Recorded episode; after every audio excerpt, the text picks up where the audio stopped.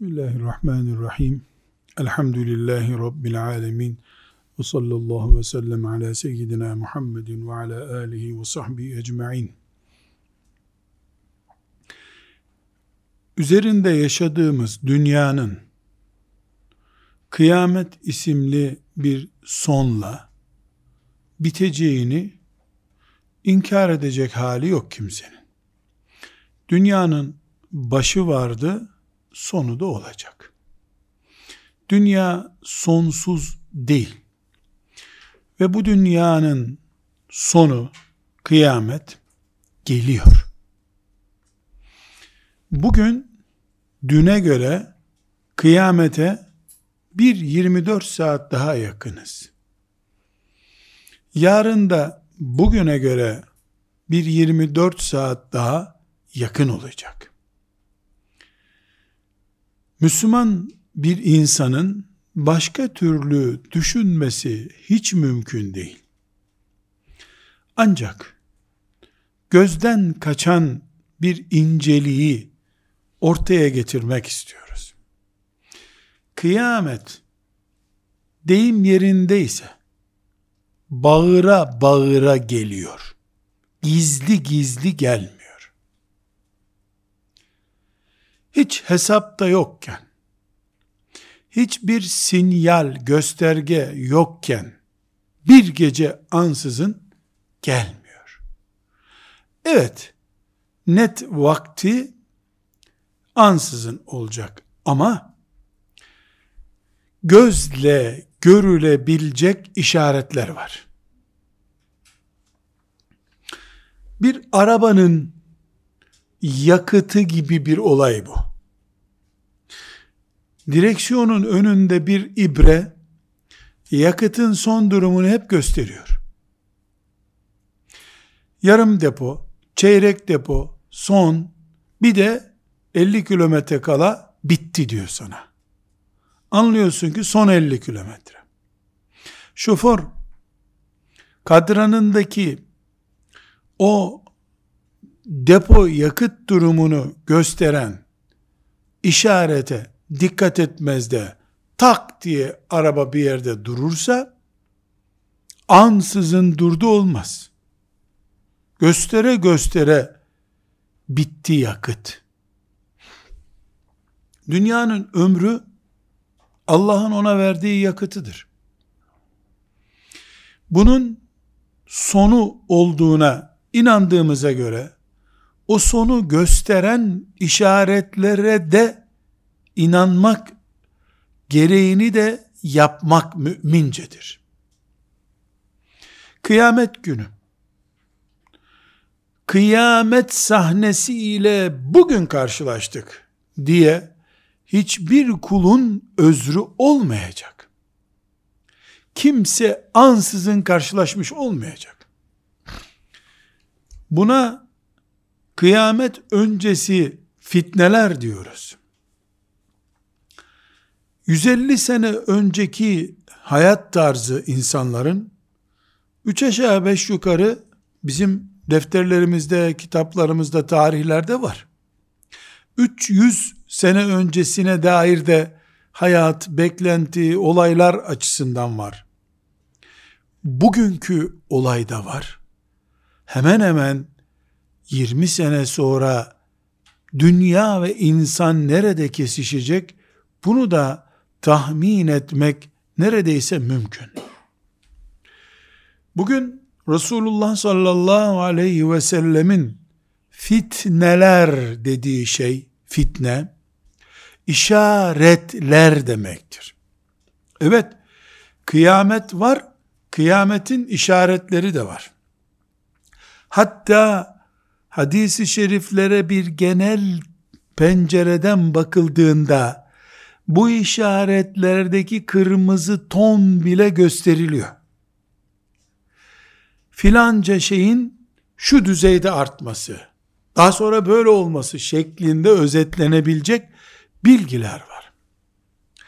Bir Müslüman şahıs olarak veya ümmet olarak biz Resulullah sallallahu aleyhi ve sellemin binlerce gün, binlerce ay, yüzlerce sene önce haber verdiği bu gerçeği bugün göz ardı ediyoruz diye gerçek değişmiyor. Ortada belalar var. Bu belaların işaretleri de vardı. Bugün daha büyük belalarında işaretleri var. Müslümanın dedikodu ve hayaller üzerinden iş yapması mümkün olmadığına göre peygamberini dinleyecek, peygamberinin aleyhissalatü vesselam gösterdiği yolda nefsini, ailesini ve ümmetini kurtaracak işler yapacak.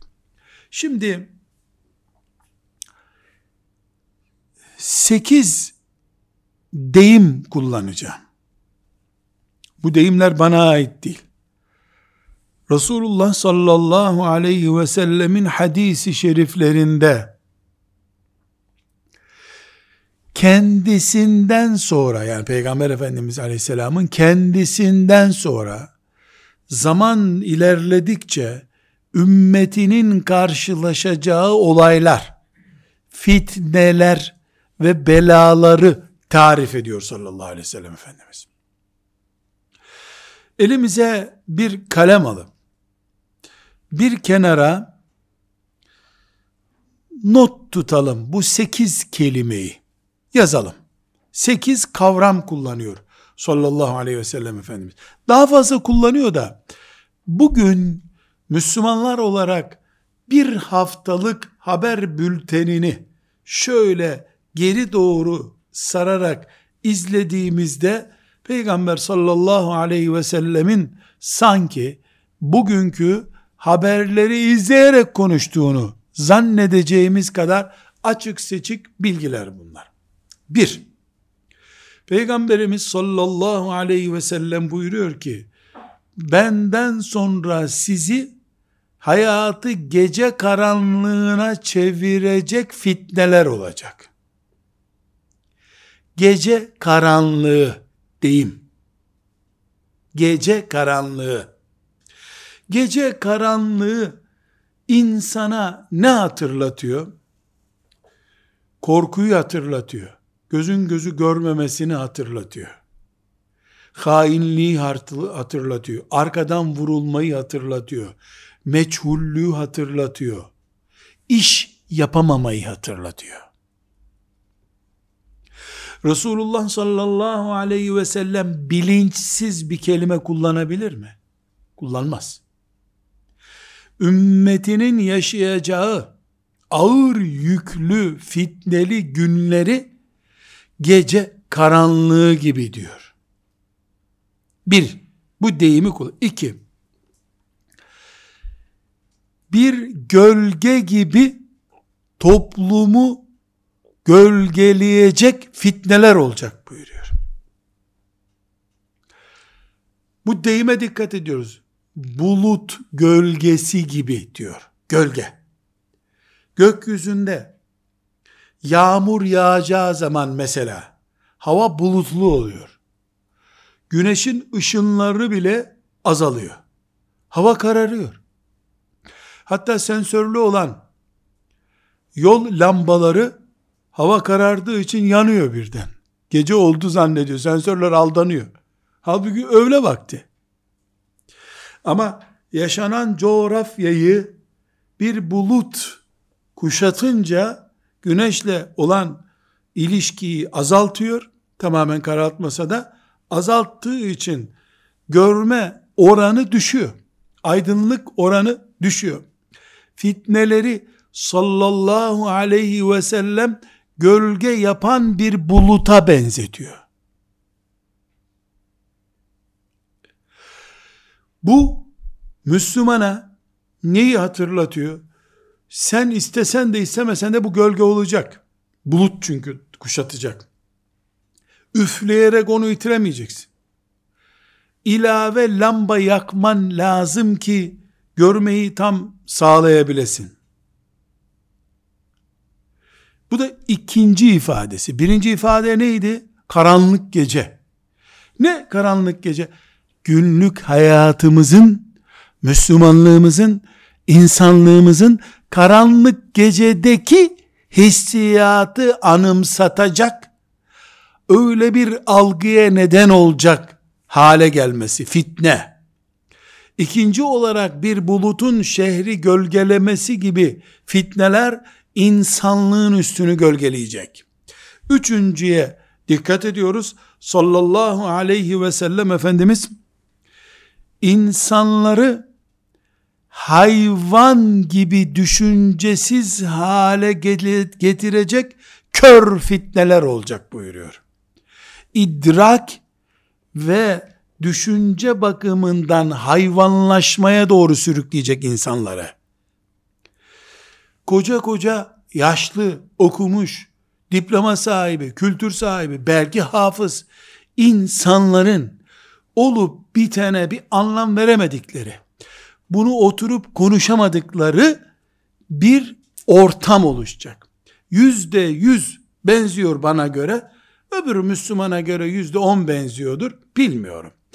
Ama kurt bir sürüye dalıp üç tanesini boğduğu zaman diğer koyunlar hemen bir acil toplantı yapıp bu kurda karşı ıslık çalalım. Çoban gelsin. Kurda karşı birleşelim diye bir hareketlenme yapıyorlar mı? Yok. Boğulan diğer kuzuyu seyrediyorlar. Her birine sıra geliyor. Kurtlar kuzuları bitiriyor gidiyor böylece. Kör fitneler insanları düşünce bakımından hayvanlaştıracak diyor sallallahu aleyhi ve sellem Efendimiz. Bugün cinsel sapıklığından tutun, filanca özelliklerine sapıklığına kadar batı toplumu yüzde yüz Resulullah sallallahu aleyhi ve sellemin bu tarifinin peşinde koşuyor mu koşmuyor mu?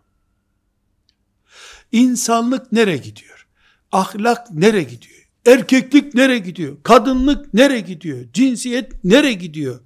Diye bir düşünce batı ve batıl toplumlarında oluyor mu? Ve bugün ümmeti Muhammed'in yaşadığı topraklarda benzer bir afete doğru göz göre göre gidildiği halde Müslümanlar bir araya gelip ailemiz nereye gidiyor bizim yahu? Diyebiliyorlar mı? Ne oluyor? Ahlak nereye gidiyor? Denebiliyor mu? Ne oldu? Belki ufak tefek bir iki vaat üzerine bir grup bir araya gelebiliyor. Ya mezhep farklılığından ya ideoloji farklılığından ya tarz yöntem farklılığından veya yöresel etnik kimlik farklılığından bir araya gelinemiyor. Gidişatın cehenneme doğru yuvarlanış olduğunu gördüğü halde insanlar düşünemiyorlar. Kurtun, kurtların sürüye daldığında ki koyunların görüntüsünü dünya toplumlarında görmek mümkündür. Göstermelik bir toplantı yapılıyor. Mesela bakıyorsun ki birleşmiş ya da birleştirilmiş milletler bir toplantı anonsu yapıyor. Dünyada çevre kirliliği olacak. Bu çevre kirliliği hayatı tehlikeye sürecek. Çok acil devlet başkanları toplantı yapıyor. Öyle büyük bir toplantı ki yeniyor, içiliyor, törenler, haber bültenleri, yüzlerce kameranın önüne çıkıyor devlet başkanları. Daha hiç kirlilik, mirlilik olmaz dünyada zannediyorsun. 30 sene oldu dünya çevre anlaşması yapılalı beri bir milim geri gitmediği gibi yüz kat ileri gitti çevre kirliliği. Çünkü çevre kirliliği var. Bunu önleyelim mi? Önleyelim. Ne yapalım? Bizdeki çevreyi kirleten enkazı Afrika'ya atalım. Afrika ne yaparsa yapsın. Bunu düşünebiliyor. Afrikalı da herhalde bir iş çıkar buradan moloz toplarız çöpten diye o da ona sıcak bakıyor. Belki ben sembolik anlatıyorum ama ne yazık ki çok da sembolik değil. Üçüncü olarak görüyoruz ki Resulullah sallallahu aleyhi ve sellem bugün yaşayıp içimizde görmüş gibi konuşuyor bu konuyu. Dördüncü, büyük e, fitne veya Peygamber sallallahu aleyhi ve sellemin tanımı insanları deniz dalgaları gibi alıp sürükleyecek fitneler olacak buyuruyor. Deniz dalgaları deyimini kullanıyor. Deniz dalgaları insanların önleyemediği, tutulunca boğuldukları gemileri sallayan, batıran bir nevi felaketin adı. Resulullah sallallahu aleyhi ve sellem bunu bugün görmüş gibi bize anlatıyor. Beşinci olarak kendisinden sonra kıyamet yaklaşınca ortaya çıkacak fitnelerin girmediği bir ev kalmayacak buyuruyor. Ev, ev etki altına alan fitneden söz ediyor demek. Ev, ev kuşatan, dünyayı kuşatan, ümmeti Muhammed'in yaşadığı toplumu demiyor, evleri diyor. Bunun için biz Müslümanın en mini İslam devleti kurabileceği, yaşatabileceği, koruyabileceği evdir. Bu evi koruduğu zaman Allah'ın izniyle İslam'ı yaşar, insanca yaşar diyoruz. Ama evi dahi kuşatacak bir fitneden haberdar olmadığı zaman bir Müslüman ne yazık ki kendisi helake doğru gidecek ki başkasına çoluk çocuğuna nasıl faydalı olacak? Altıncı olarak buyuruyor ki delirten fitneler çıkacak. Delirten fitneler. Nasıl delirtecek fitneler? Çare üretemeyeceksin, cinnet geçireceksin. Aklını kullanamaz, saf insan haline getirecek seni. Yani bulanık kafa, bile bile kendi katliamını gidip hazırlayacaksın. Hangisi olursa olsun, ne kadar değerli vasfın kimliğin olursa olsun, aklı kullanabileceğin bir ortam olmayacak. Öyle fitneler ortaya çıkacak. Buyurmuş sallallahu aleyhi ve sellem. Bir başka benzetmesi var. Yaz sıcağı gibi kavuran fitneler olacak buyuruyor. Yaz sıcağı gibi kavuran fitneler. Yaz sıcağı benzetmesinden ne anlıyoruz? Aleyhissalatu vesselamın yani bu fitneler gölgeyi bulmadığın zaman çarpacak seni. Gölgeye geçmek zorundasın. Çünkü yazın gölgeden başka güneş her yeri kavuruyor. Gölge ne yapıyor? Güneş çarpmasından, derinin yanmasından kurtarıyor seni. Bu gölge nedir? Camidir. Bu gölge nedir? Mümin kardeşler grubudur. Bu gölge nedir? Allah'ı zikretmektir. Artık e, gölgesi herkesin kendine göre farklı. Ve sekizinci hepimizin oturup derin derin düşünmesi gereken peygamber ifadesine dikkat ediyoruz. İnsanların keşke mezara konmuş bir ölü olsaydım diyeceği kadar hayatı kasıp kavuran fitneler olacak buyuruyor. Sağa gidiyorsun, olmuyor. Sola gidiyorsun, olmuyor. İleri gidemiyorsun, geri dönemiyorsun, uçamıyorsun, batamıyorsun. Ölü olsaydım da mezarda olsaydım diyorsun. Bu bugün mü gerçekleşti? Dün mü? Ya da yarın mı gerçekleşecek? Bunu sadece Allah biliyor. Bizi de ilgilendirmiyor zaten. Ne zaman gerçekleşeceği önemli değil ama bir şey önemli. Kıyamet varsa onun işaretlerini Resulullah sallallahu aleyhi ve sellem söylemiş. Belalar varsa o belaların nasıl geleceğini, nasıl önleneceğini veya nasıl kendisini insanın ondan koruyacağını da söylemiş. Biz ansızın bizi çarpan bir bela ile karşı karşıya değiliz. Kardeşlerim, bu sekiz ifadeyi Biraz daha farklı usluplarla 10, 18 de yapabiliriz, 20 de yapabiliriz. Ama temel olarak hayatı nasıl yaşayabileceğimize dair ayrıntılar yakalamaya çalışırken bu sekiz göstergeye işarete dikkat etmek zorundayız. Bugün ben bu toplumda yaşayan bir Müslüman olarak bu hayatın gece karanlığı gibi mi? Başımın üstünde bir bulut gibi mi? İnsanın hayvanlaşmasını sebep olacak idrak yoksunluğu gibi mi? Deniz dalgası gibi mi? Artık nasıl algıladığım çok önemli değil. Ama bu bir gerçek. Ve bu bir gerçek ki Resulullah sallallahu aleyhi ve sellem bize bunu söyledi. Bunları bize söylediği için de veda hutbesinde parmağını kaldırıp şahit ol ya Rabbi ben anlattım dedi gitti. Bugün aile sorunu yaşıyoruz.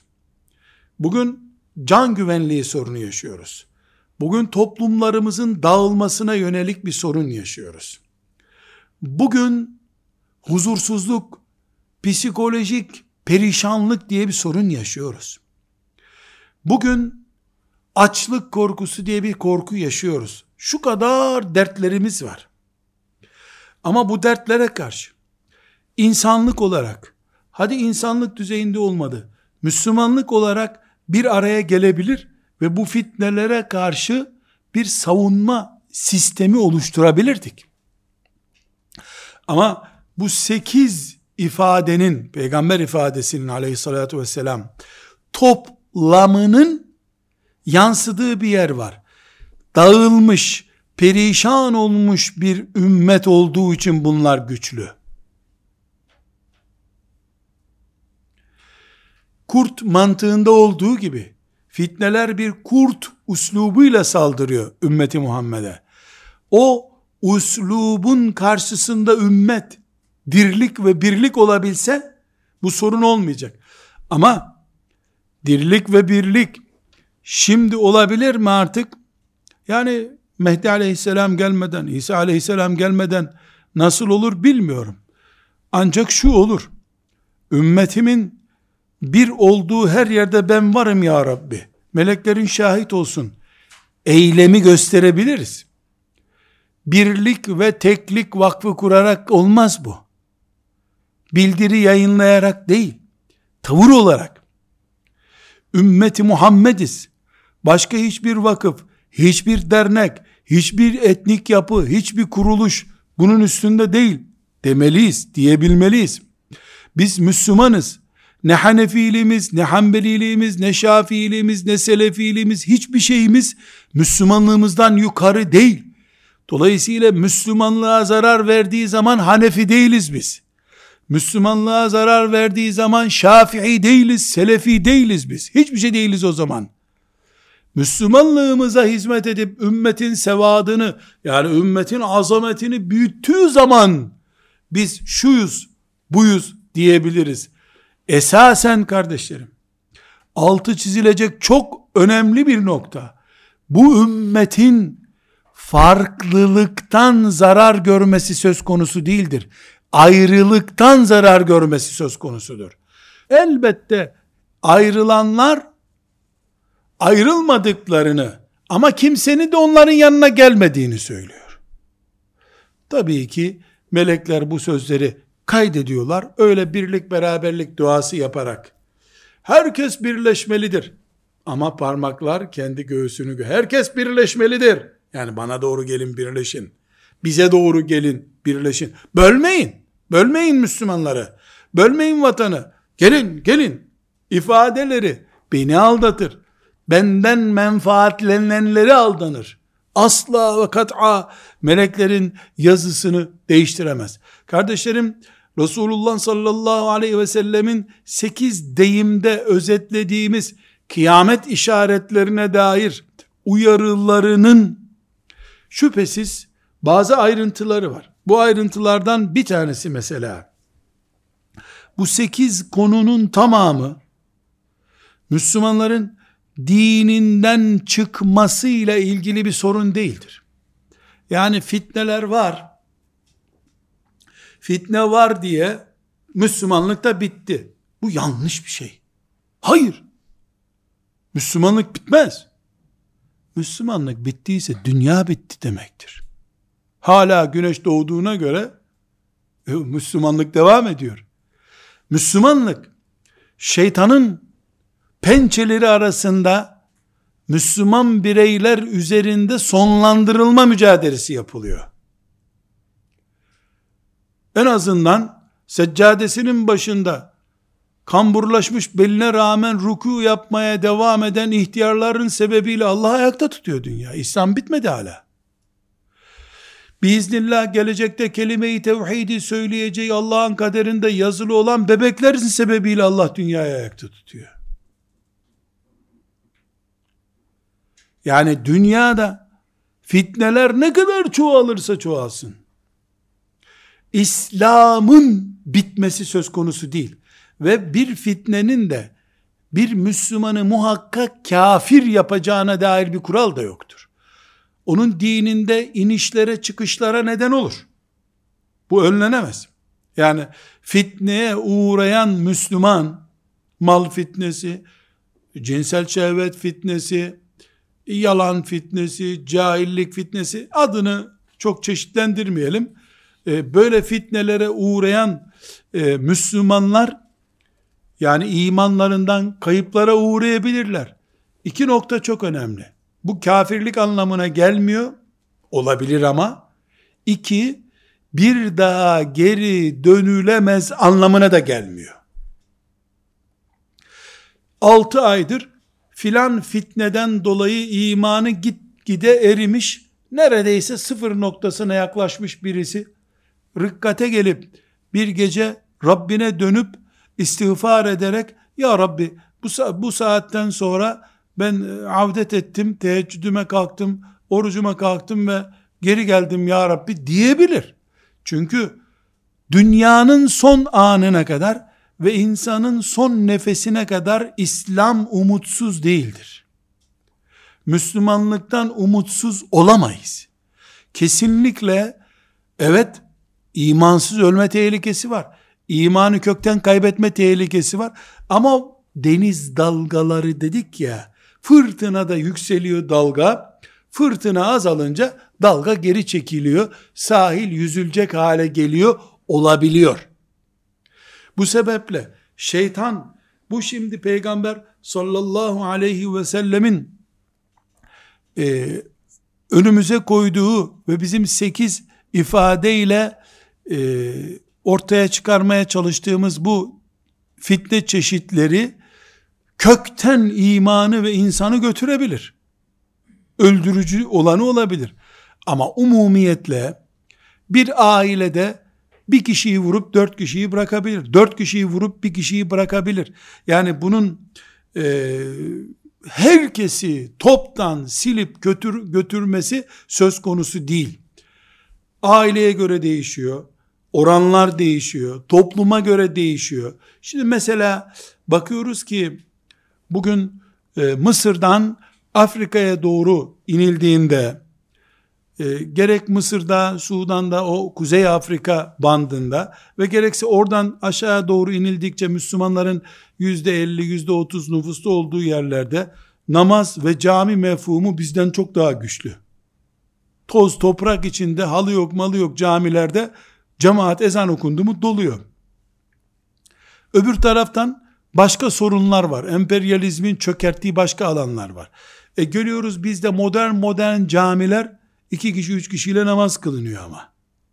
Cuma namazları bile bu ülkede geri kaymaya başladı. Azaldı. Namaz kılan azaldı. Ama burada da aç kalan müminlere karşı e, himmet yapılan ciddi faaliyetler yapılıyor. Mesela burada da o var. Bakıyorsun yöresel bazı fitneler güçlü, öbür yörede de başka fitneler güçlü. Yani kökten dünyadan İslam'ın silinmesi bir gün olacak. Ama o Mehdi Aleyhisselam'ın geldiği zaman olacak. Yani bizim işimiz bittikten sonra bu dünyada. Nauzu billahi teala. Allah o günlerden bizi muhafaza buyursun. Ama olacak bu. Şimdi o zaman değil. Allahu Ekber sesi uzaya doğru yükseliyor dünyada. Hala çocukların kulağına ezan okunuyor. Hala elhamdülillah kurban kesiliyor. Yani bir tür örfi bir duruma getirilmiş olsa bile neticede kurban kesiliyor. Neticede hacca gidiliyor. Hacca gidilmek için kuralar çekiliyor. Bu fitnelerin korkunçluğu hiçbir şekilde umutsuzluk nedeni değildir. Ciddiyeti artırma nedenidir. Çalışma tempomuzu büyütme nedenidir. Aksi takdirde eğer böyle düşünmezsek şeytan tutar bizi bu fitneler madem var o zaman biz bu fitnelerden kendimizi koruyamayacağımıza göre bari geçelim Avrupa tarafına, batıl tarafına geçelim dedirtebilir. Öyle değil. Bu geminin son kalan yolcusu da olsam, gemi batarken dalgalar güverteyi suyla dolduruyor olsa bile, Allah'ın izniyle taviz yok, dinden dönmek yok, kendi ailemde bunaltılsam bile yok, üzerime kızgın yağlar dökülse bile yok. Bu kuralı böyle kabul etmek zorundayız. Yoksa dinlediğimiz ayetler, dinlediğimiz hadisler, izlediğimiz haber bültenleri, okuduğumuz haberler delirtir bizi, şeytanın istediği olur. Burada önemli bir nokta var. Bu fitneler zaman zaman rol değiştirdiği gibi büyüme küçüme küçülme yaptığı gibi nesilden nesile tarz da değiştiriyor. Mesela bundan 80-90 sene önce bizim topraklarımızda Kur'an-ı Kerim okumak e, bir tüfek dipçiğiyle sakatlanmak demekti. Şimdi onu ne demekti diye anlayacak nesil yok. Öyle bir olay yok dünyada. Elhamdülillah buna hamd ederiz. Ama başka bir sorun var. Nedir o? O sorun da şu. Bugün her yer Kur'an-ı Kerim dolu. Bu sefer Müslümanların Kur'an'a alakası bitti. Azaldı ya da. Ya da ivme düşürdü. O bir fitneydi, belaydı. Anadolu toprağını ta Balkanların arkasına kadar bir tsunami gibi silip süpürdü. Tsunami çekilince Allah'ın lütfu keremiyle minareler ortaya çıktı. Medreseler ortaya çıktı. Bu sefer aynı topraklarda Allah'ın ayetlerine karşı Peygamber sallallahu aleyhi ve sellemin sözlerine karşı acabalı gündemler oluştu. İşte bu da yeni fitne çeşidi. Buradan biz nereye gelmek istiyoruz? Uyanık olması gereken Müslümanlar olarak biz 50-80 sene önceki 90 sene önceki fitne çeşidine takılıp kalırsak bugünkü fitne bizi siler süpürür. O o neslin fitnesiydi. Bu neslin fitnesi değişti. Bizim işaretlerimiz farklı. Onlar trenle giderken kaza yapıyorlardı. Biz uçakla giderken kaza yapıyoruz. Biz bizim tedbirimizi alacağız. Onlar onların tedbirini almalıydılar. Biz onlardan tedbir alacağız sadece. Kendimiz yani onları ibretle inceleyeceğiz. Kendimize tedbirler çıkaracağız. Gelecek kuşağa tavsiyeler oluşturacağız biz. Bunu yapamazsak eğer mesela İsrail'i Mescid-i Aksa'yı işgal etti diye lanetleyip dururken oradaki hayat tarzının evimizi işgal ettiğini anladığımızda iş işten geçmiş olacak. Filistinli mümin kardeşimize acırken biz bizim çocuklarımız Filistinlilerin fatihalarla acıyıp ağlayacakları bir çocuk haline gelecek bu sefer. Neden? Çünkü fitnelerin coğrafyaya göre, zamana göre, nesile göre değişebileceği konusunda zihinlerimizde bir uyarı mekanizması hazır olması gerekiyor. Bu eksik olduğu zaman başımız beladan eksik olmaz. Tam bunu anlamış oluruz. Bizim görevimiz biter bu dünyadan. Yeni nesil gelir. Onlar da değişik bir belayla, fitneyle uğraşırlar. Şunu da unutmayacağız. Kıyamet yaklaştıkça, bir ay önce bir ay sonra gibi yaklaştıkça, bir sene bir sene sonra gibi yaklaştıkça, sadece teknoloji hızını artırmıyor. Sadece arabalar Kaan arabasından at arabasına, at arabasından lokomotife, lokomotiften e, otobüse, otobüsten trene, şey, uçağa, uçaktan füzeye böyle değil sadece. Teknoloji hayatı hızlandırdığı gibi yani büyük yayla kazanlarında pekmez yapılırken düdüklü tencerede şimdi yapılması nasıl bir ilerlemedir? Fitneler de insanla buluştuğu yerde bu şekilde hızlanıyor. Çünkü dünya döndükçe insanın birikimi çoğalıp daha çok, daha hızlı, daha ağır, daha etkili şeyler yaptığı gibi şeytanın da insan üzerindeki birikimi arttığı için o da daha büyük fitneler, daha hareketli fitneler, daha internetli çalışmalar yapıyor. Biz zannediyoruz ki bu internet bela olarak yaratıldı. Değil canım. Allah'ın bir nimeti bu. Onu iblis de kullandığı için ona tabi olanların eliyle eylemini çok hızlı yapmış oluyor. Biz Müslüman olarak buna hazır olduğumuz zaman ancak bu beladan korunmuş olabiliriz. En azından belanın etkisini asgari düzeye indirmiş olabiliriz. Peygamber sallallahu aleyhi ve sellem ümmetini uyardı. Enes İbni Malik'in radıyallahu an üzerinden öğreniyoruz ki Resulullah sallallahu aleyhi ve sellem buyurmuş ki sabırlı olun. İnsanlara gelen her yıl önceki yıldan daha kötü olacak ta Rabbinize kavuşuncaya kadar. Hayat gerçeği bu. Yani peygamber sallallahu aleyhi ve sellemle bu ümmet yol almaya başladı. 10. yıl, 50. yıl, 100. yıl, 200. yıl, 400. yıl, 600. yıl, 1000. yıl, 1400. yıl, 1441. yıldayız şimdi. 1441. yıl kesinlikle 1440. yıldan bir tık daha sıkıntılı. Neden? Hayat çok hızlı ilerliyor. Teknoloji ilerliyor, iblisin kini artıyor. Hala Adem Aleyhisselam'ın çocuklarından intikam almakta tam istediğine ulaşamadı. Hala o cennetten kovuluşunun hıncını bitiremedi. Çok iş yapmak istiyor. İnsanlar çoğalıyor bu arada. E, camiler büyüyor, Kur'an sesleri yükseliyor, çocuklar hafız oluyor, deliriyor, deliriyor. Toplantı üstüne toplantı yapıyor.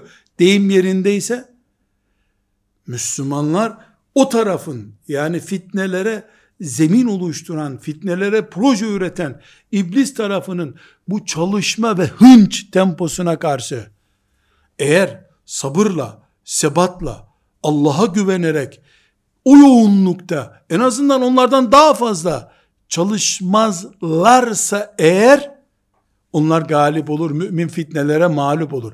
Bu fitneler kalkmaz. Allah böyle kader yazmış. Bu fitneler büyüyecek. Ama Kur'an ne istiyor? Sizden 100 kişi, 200 kişiyi mağlup etsin diyor.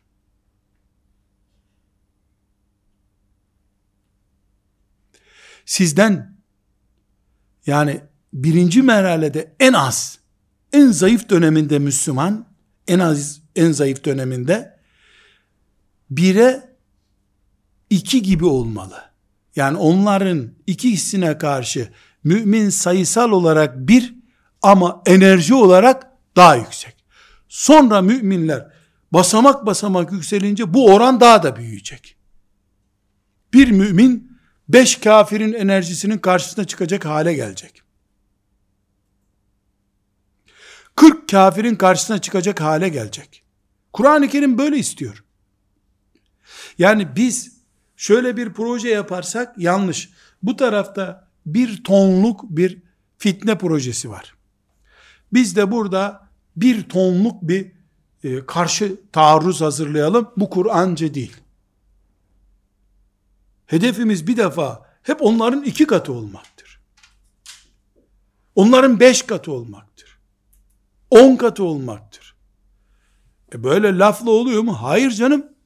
En azından müminler olarak pasifize edilmişliğe razı olmadığımız, çok yoğun iş yapmayı içimizden arzu ettiğimiz açısından buna bakıyoruz da böyle düşünüyoruz. Belki de buna muvaffak olamayacağız. Onların yüzde biri bile olamayacağız belki ama biz Rabbimizin huzuruna çıktığımızda eylemlerimizden çok emellerimizle Rabbimizin huzurunda duracağız.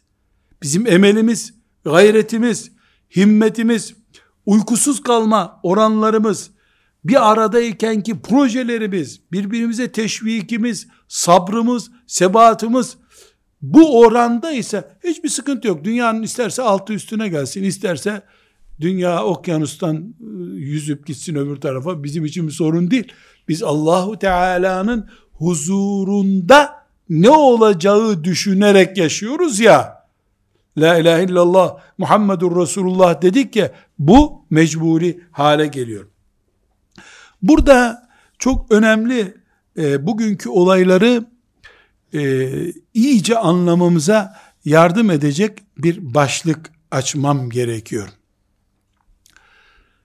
Mekke ve Medine bu iki şehir özellikle fitneler açısından yüzde yüz korunmuş değil.